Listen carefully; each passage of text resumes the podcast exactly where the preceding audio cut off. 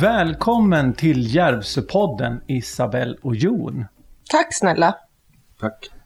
Ja Jon, du, du är ju den trettonde generationen här på gården. Har det Ja. alltid varit självklart för dig att ta över det här? Självklart är det ju inte. I och med att vi var ju två syskon. Mm. Så att eh, det har ju lika gärna kunnat bli Hanna. Om, om hon har känt alltså en... Alltså, för då, farsan hade ju mjölk han också. Mm. Och det har lika gärna kunnat bli att hon eh, ville ta över driften direkt. Vilket jag inte ville då. Mm. Alltså, Mm. För jag var helt nöjd på mjölkkor ja, då. Mm. Eh, men eh, nu slutade det så hon eh, gick vidare och utbildade sig hon till lantmästare och skogsmästare. Eh, och som sagt 2014 flyttade jag hem och tog över. Och då eh, istället för mjölk då så fortsatte jag med kött istället. Mm. Och så var det några år tills jag träffade Isabelle. Du, du kallar sig för Uppfinnar-Jocke. Stämmer det? Mm. Och det har väl kanske att göra med din metallverkstad då? Är du en som Ja. är ute och fixar och donar och får mycket gjort där Ja, ute, det är, eller? Det är prototyputveckling som jag jobbar med. Mm. Eh, eh, och det har jag väl alltid gjort. Det är, alltså, det är,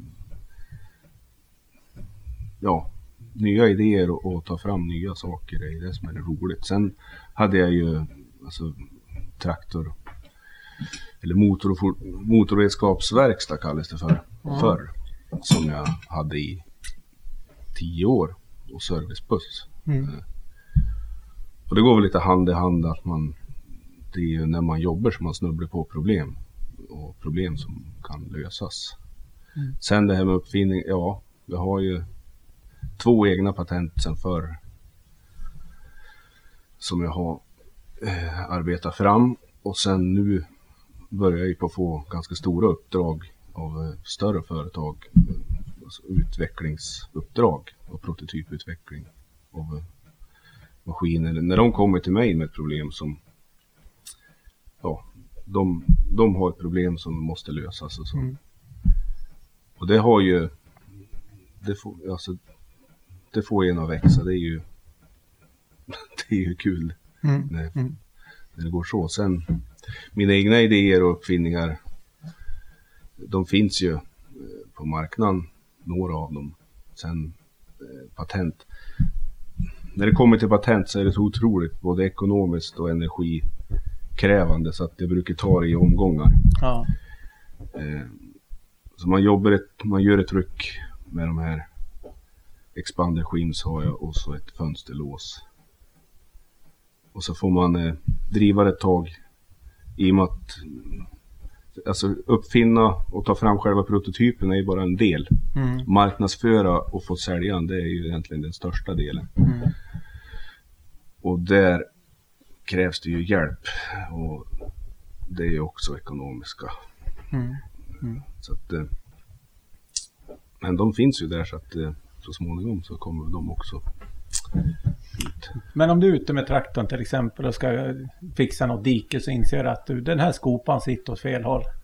Uppfinner du så att skopan vrider sig åt andra hållet för att du ska kunna utföra jobbet bättre, snabbare eller mer effektivt? Är det den typen av Ja, uppfinningar den, du kommer på liksom? den uppfinningen finns ju redan. Ja, men... men Eh, Nej men jag hade... Ja, fast det är ju precis så. Det är ju så du jobbar. ja. Jo det är ju när man jobbar som man tänker. Mm. Alltså, man får inga idéer av att ligga i soffan och glo i taket. Nej. Så är det så, så det är en av den första, den som finns faktiskt att köpa den här. Jag kallar den för edeffektiven. Nu har han ett annat namn. Mm. Eh, det är just en skopare som skär, tar hand om eh, den här grässvålkanten som växer i vägren. Mm. Och den tar man ju bort med en grävmaskin. Säg vad 15 år. Mm. Men använder man min modell då så kan man ha på hjullastare och göra det eh, väldigt mycket snabbare och kanske var tredje år Ja, ja, ja. istället. Och på det viset tjänar man ju eh, alltså vägkroppen. Eh, för ju, alltså hålls vägkroppen dränerad och torr så Mm. håller han för trafiken. Ja. När, väg, när den där väggrenen växer Mm. då blir det att vattnet hellre rinner in i vägkroppen än ut i diket. Det är Då du får kärlskador och grejer. Då blir vägen förstörd och det går ganska fort det. Mm. Du pratade tidigare om, om köttproduktionen Ja, och sen så gick ni över till mjölken. Hur många ma, liksom, kreatur hade ni när det var kött och hur många har ni nu när det är mjölk? Har det blivit mer eller mindre hantering av, av kreaturen? det är ju en övergångsfas. Eh, Det finns ju köttdjur kvar Mm. men eh, den delen ska ju avvecklas. Så att Mm. djurantalet kommer ju att sjunka. Ja. Eh, Det har ju med areal att göra också. Och kan man sänka djurantalet så är jag liksom hemma med arealen också. Jag istället förstår för att det. jaga. Sen hanteringen blir ju mycket mer Ja, när man har precis. mjölkkor Mm. än, än köttdjur. Mm. För då kommer du ha massa ytor kvar här då. eh, när du har dragit ner på kreaturen. Har ni någon planer för det eller? Nej. inte Finns? Eh, Nej. Eh, 14 byggde jag lagård själv utanför. Ja. Eh, så att det är därför mjölklagorn är kvar Ja. som farsan hade. ja. Och eh, mjölkanläggningen hängde också kvar delvis. Och det är tack vare att det gjorde det som det här överhuvudtaget är möjligt. Snabba fakta. Järvsö gårdsmjölk säljs sedan den 10 juli i år på ICA i Järvsö. Varje dag levererar Jon och Isabelle från Göras lantbruk dagsfärsk mjölk till mjölkautomaten.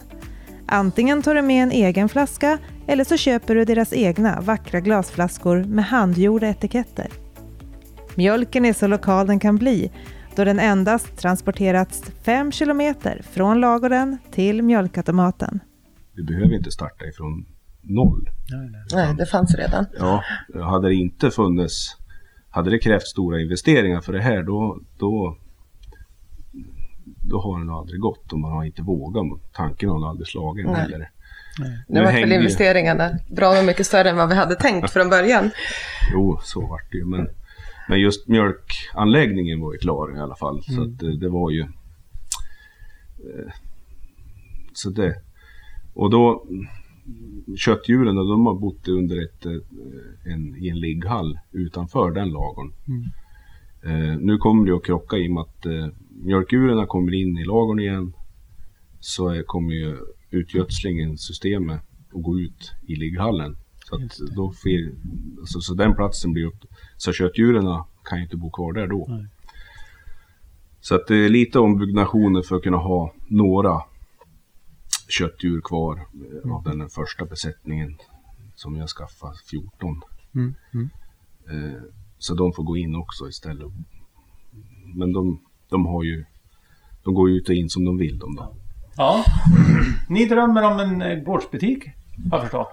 Mm, ja, eh, alltså när, när, jo det gör vi.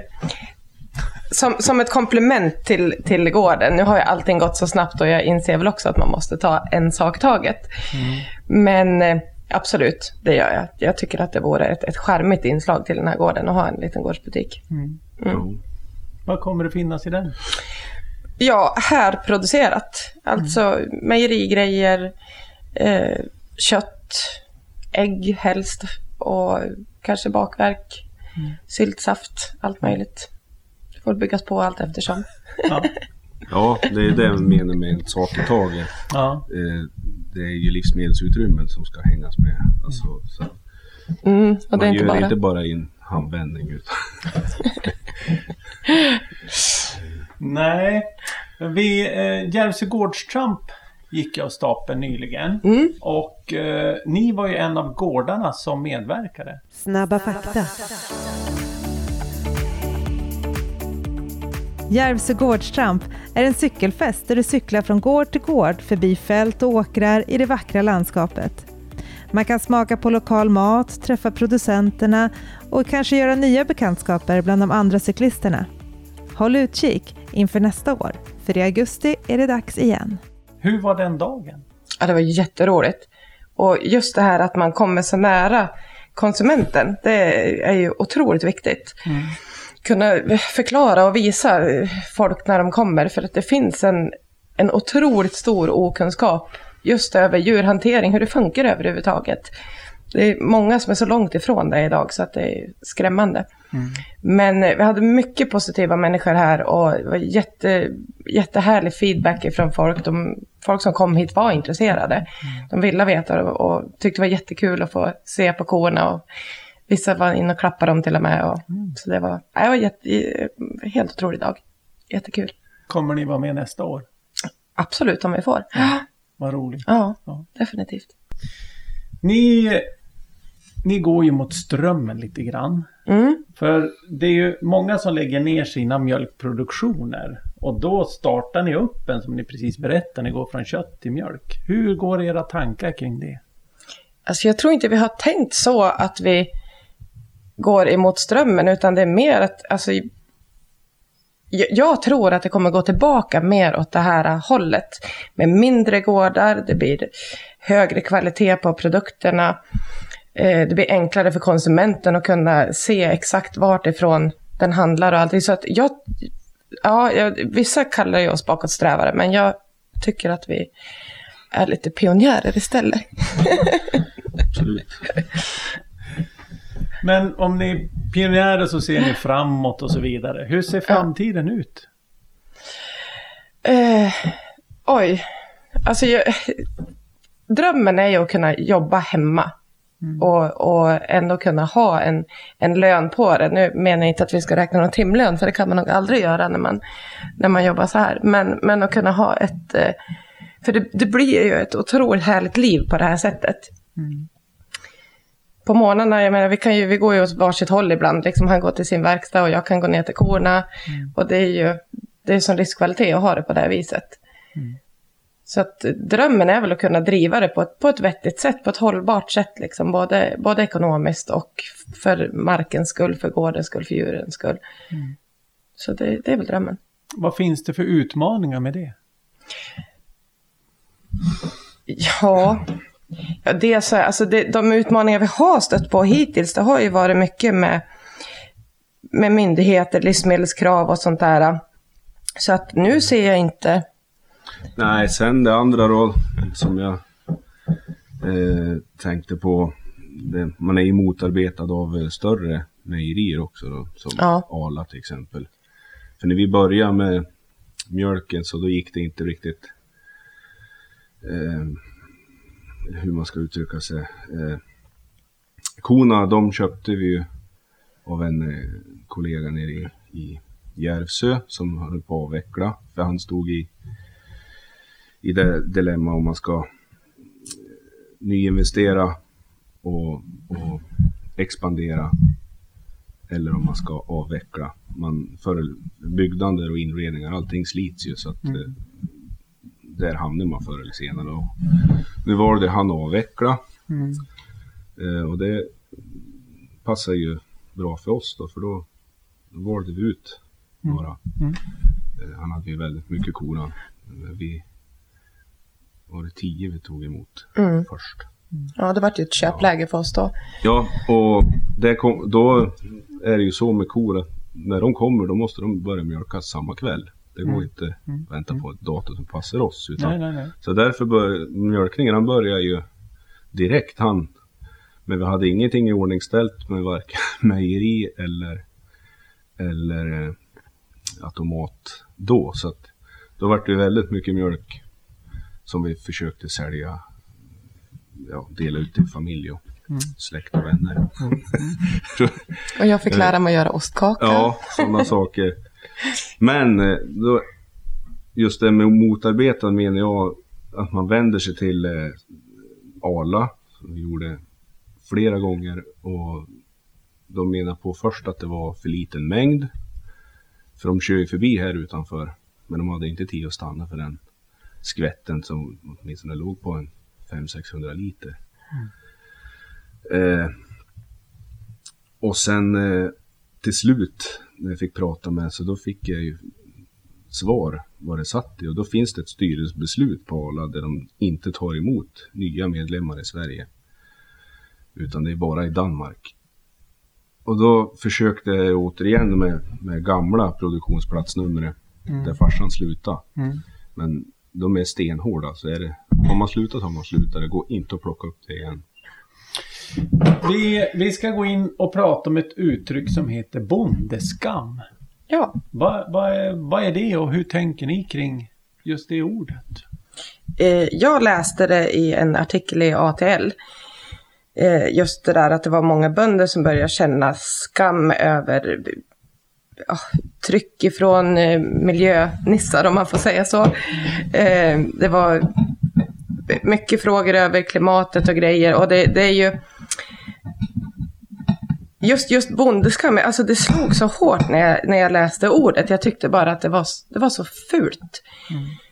För det som alltid har lockat mig i hela mitt liv, jag är inte uppväxt som bonde, men jag har ju haft mycket bönder eh, runt mig hela livet. Och, och det som har lockat mig är just stoltheten hos bönder. Man har, liksom, man har hört hur de pratar, man har sett hur de mår. De brukar sin mark på bästa sätt, de tar hand om djuren på bästa sätt. Och, det, och just den där stoltheten är så viktig, för jag menar det är ingenting du tjänar pengar på, det är ingenting du blir berömd på, det är ingenting, alltså det, det är ju livsstilen. Och då kändes bondeskam som ett sånt jäkla fult ord helt enkelt. Eh, sen, jag har inte läst så mycket mer om det, det var några, ja, jag har hört att, att eh, Det har lite olika referenser, men, men eh, just det jag läste så tog jag illa vid med bara själva ordet. Det är väl klimatbov som de riktar sig in på. Mm, mycket. Eh, Men då finns det ett annat ord som heter klädskam. Och flygskam. det är nog betydligt, det väger ju mycket tyngre då. Skulle jag vilja ha det till. För- Men jag tror att det är viktigt att man skriker till sådana där gånger när man, att, Och s- att man reflekterar över det och, och verkligen tar det om att men, vi känner en bondestolthet. Ja, det sen... Finns det en eh, skam? Alltså, det är det där som jag tycker är så... Eh, att vi ska känna skam för att vi odlar kött. Eh, och den koldioxidutsläppet som vi står för. Men eh, det, i, alltså i många ögon så är det helt okej och eh, skeppa korn och köttersättning kors och tvärs över hela jordklotet och äta det med gott samvete. Det, Det harmonerar ju på sin egen orimlighet. Importerat kött från Brasilien. Djuren i Brasilien, de eh, tvivlar inte på att de har det jättebra när de är i Brasilien. Men resan hit och hur det behandlas, alltså hur det kan vara billigare med en oxfilé från Brasilien. Det är ett jättestort systemfel där. Eh, och likaså korn och köttersättning och allt vad det är som eh, inte alls odlas här. Utan odlas någon annanstans men säljs hit som ett miljöval. Det, helt, fin- ja, det faller på sin egen orimlighet. Men eh, ekonomiskt alltså, måste det vara ett systemfel. För, alltså, hur, hur kan det vara billigare?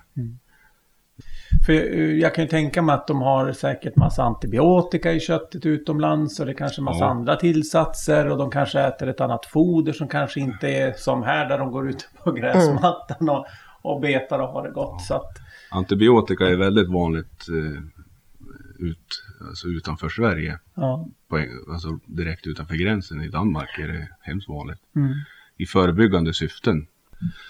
Får ni, får ni liksom sätta er in i hur antibiotikan påverkar kroppen i efterhand om det finns i köttet och sånt där? Eller är det, är det, liksom, är det upp till var och en att lära sig sånt?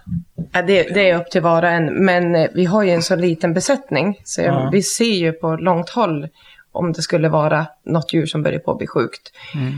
Så Ja, att vi kan ju motverka det på andra sätt än om man har en större besättning. Så ja, det är lättare. ja, det blir mycket lättare för oss så. För det vet jag det finns fler som, eh, som eh, eh, strävar mot antibiotikafria. Alltså helt och hållet. Utan Ja. en eh, mastit, eh, alltså en djurinflammation, att man eh, i tid Stävjar upptäcker det. den. Ja, och det handlar ju om alltså, att mjölka ur den delen av djuret noggrant. Så då häver kon själv den inflammation.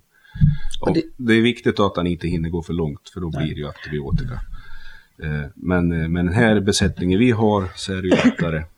Kan det vara så att, att eh, människor väljer att åka hit och köpa ett lite dyrare kött för de vet att det är liksom kravmärkt foder. De vet att det inte är antibiotika. Det är, det är liksom hanterat på ett bra sätt. Känner ni så att folk kommer hit för, just på grund av att de vet att det behandlas på ett bra sätt? Ja, absolut. Det, de, de som köper köttet av oss, det, alla de tänker ju på det här viset. Och det har vi även märkt med mjölken nu. Det är ju folk som åker ifrån Bollnäs och Ljusdal liksom för att köpa våran mjölk. Och det är ju, det är ju jätteroligt att se. Så att det, det är klart. Då måste det finnas en bondestolthet där. Ja, det gör det. Absolut. Och, och försöka få dem att förstå liksom att det ni köper här, Ja, it's the real thing. ja visst. Och det, det är det som är så viktigt där, jag menar med att komma nära konsumenten. Och jag tror alla bönder skulle tjäna mycket på det och komma lite närmare konsumenterna. För att eh, som sagt, det är ju den här okunskapen idag som man vill stävja upp. Ja. Vad är det bästa med att verka i Järvsö? Eh, ja, det måste, ja. Alltså det är ju en otroligt härlig bygd att vara verksam i. Dels så har man ju den här känslan, alla känner alla, man ställer upp på varann. Men sen finns det också någonting som gör att, att som nystartande inom någonting, jag har ju varit med och startat upp saker förut. Man känner en, en trygghet i ryggen på något sätt, för folk, folk ställer upp. Det gör de. Sen finns ju turismen här, det är ju bra. Men, men just eh, Gärseborna är duktiga på att ställa upp på varandra. Och det tycker jag är en jätteskön känsla. Finns det någonting som ni saknar i bygden? McDonalds. Eh, nej, in, inte sådär direkt. Alltså, sen är det väl klart att man, man önskar väl alltid liksom att, att skolorna ska hålla en lite högre kvalitet, äldrevården ska vara lite bättre, alltså allt, allting sånt där. Sjukvården, att det ska finnas liksom en, en bra sjukvård som är öppen mycket. Och, men, men nej, ing- ingenting som jag direkt saknar så. Nej. Nej. Ja. Du då Jon? Är det något som du känner att du saknar här? Jo. Förutom, förutom McDonalds? Nej, då är det inget. Nej. När ni har ett sånt här stort eh, lantbruk. Hur, hur är det med ledigheten? Får ni vara lediga något? Jag leder jämt. Är ni lediga? Ja, vi, man måste ju se det så. Ändra jobbar man jämt eller så är man ledig jämt. Ja. Så vi försöker väl att välja att vi är ledig jämt. Men vi tar oss lediga dagar. Jag tycker vi har varit ganska duktiga på det. Ja, sen eh, är det ju inte så otroligt hektiskt som det har varit nu. Alltid. Nej. Nej, nu har det ju varit ganska extremt. Är det slotter så är det och sådana saker. Eh, men sen ska det funka med mjölk och så är det en stor mage här. Ja. Grattis. Eh, Det kommer cykeltramp. 14 generationen som är på gång. Jajamän. Ja. Sådana saker. Så att eh, för i genomsnitt så är det ett ganska lugnt och ett ganska bra. Sen är det perioder när det är väldigt mycket och det suger ju Men det får man ju tillbaka eh, också. Men det, ja. Som jag det har varit nu så har jag kan ju- känt att det har varit lite jobbigt faktiskt. Men det har ju mycket med allt som har varit. Alltså, att vi ska hänga med på allting. Så nu blir det ju en lugn höst. Hoppas Det är vad han tror. Men, men eh, kan ni vara liksom lediga flera dagar? Kan ni åka bort och vara borta en vecka och sådär? Det går väl inte kanske? Eh, ja, nu har ju vi så förmånligt så vi har ju Jons pappa och syster som kan hjälpa oss med mjölkkorna. Ja, ja, okej. Och även Ja. mina stora barn kan ju hjälpa till. Så visst skulle vi kunna. Mm. Absolut. Vi åkte till Stockholm en helg.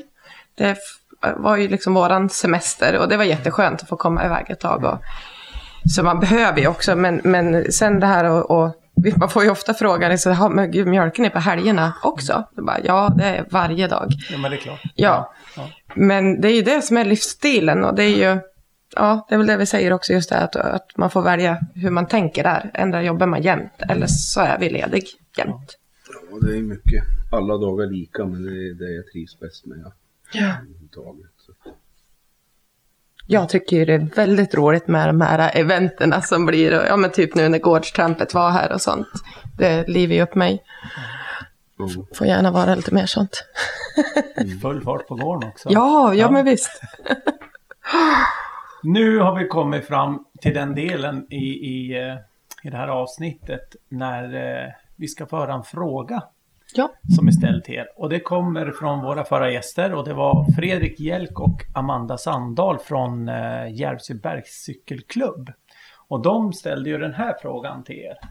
Du hade en fråga, vi. Ja, men alltså jag tycker att det de gör är så otroligt viktigt med, med eh, lokalt och hållbart. Eh, Men det var din fråga var egentligen, hur kom ni på det från Ja. början att ni skulle sälja gårdsmjölken på ICA? Eh, vilket vi för övrigt är väldigt lyckliga att ni gör och det smakar Och den är ju så supergod. Ja, det är Ja. så gott. Magiskt gott. Ja. Ja. och så himla bra. Men det är vår fråga, hur kom ni på det egentligen? Ja, hur kom ni på det? Ja, eh, alltså det började ju med att jag ville ha eh, typ en eller två mjölkkor till eh, eget hushåll sådär. Så vi började ju prata i det och kom på att, men herregud, två mjölkkor, det, det är ju, de producerar minst 40 liter per dygn, så vad ska jag göra av all mjölk? Och då, ja, vi kollade lite, och redan då pratade vi faktiskt om gårdsbutik. Och det var så vi började kolla på någon gårdsbutik i närheten, vad de hade och hur de gjorde. Och där hittade vi en sån där automat. Och eh, då gick man ju till sig själv där och kände att ja, men ska jag åka till en gård och köpa mjölk ur en automat, då kommer jag, jag kommer göra det någon gång ibland. Men skulle den finnas på ICA, då skulle jag ju välja att handla den mjölken jämt. Så det var så, så kom vi på det. Nästa steg var att prata med Magnus. Ja, precis. Och Magnus på ICA har ju varit jättepositiv till det här. Ja, han har verkligen varit. Så det har ju, ja, han, han från den idén då till att det, att det börjar gå fort så, så var ju han också inblandad i det. För hade han varit negativ i det, då har det ju varit svårare för oss att gått, gått vidare. Absolut. Åker ni dit och fyller på den en gång i veckan? Det, nej, Nej, varje det, dag. Varje dag fyller ni på. Hur mycket fyller ni på då? Hur många liter? Ja, det varierar lite. Under turistsäsongen nu så var vi, då, då var, låg vi alltid på 150 liter. Nu försöker jag hålla ner det till 60-80 liter någonstans. Eh, nu har vi även börjat leverera till restauranger. Och då är det ju, ja, vissa restauranger tar ju uppåt 40 liter per gång. Så att då, då jämnar det ut sig där då. Så det, det blir ju en utmaning för oss att kunna hålla ett, ett flöde sen när turistsäsongen. För jag tror i vinter så kommer det ju att spraka iväg väldigt med, med mjölken. Och det är ju nästa del som är roligt alltså, i det här med alltså, utmaningen. För då handlar det också om att lägga kalvningsperioderna rätt efter turistsäsongen. Ja, så att Det- vi får korna så högpresterande som möjligt när det är som mest med folk. saker faktiskt. Nu är det ju dags för er att ställa en fråga till vår nästa gäst. Och det är Jennifer på brödbutiken Järvsö. Vad vill ni fråga dem? Där hade du Johan en bra fråga. Finns det någon möjlighet att ni plockar upp eh, det här med loslimpan som försvann? Ja, Eller, får vi tillbaks loslimpan? ja, får vi tillbaks loslimpan? Ja. Levererar ni mjölk till dem? Eh, nej, Jennifer har jag inte tagit kontakt med än. Nej. Det är ju det är också det där att alltså, det, allting får ju ta sin tid nu. Det är ju, magen är inte så, så lättsam nu för tiden heller, utan vi, vi går, det är ju verkligen vilken dag som helst nu. Så att eh, eh, jag, vi fyller på med restauranger allt eftersom. Jag förstår. Och jag tar kontakt med, med folk allt, allt eftersom också. Så Jennifer kommer jag absolut att höra av mig till så småningom. Vad kul. En sista fråga då. Har ni en favoritplats i Järvsö? Här. det var väldigt enkelt. Det var väldigt enkelt. Isabelle och Jon, tack så hemskt mycket för att ni ville vara med i Järvsöpodden. Tack själv, det var jätteroligt att ha dig här.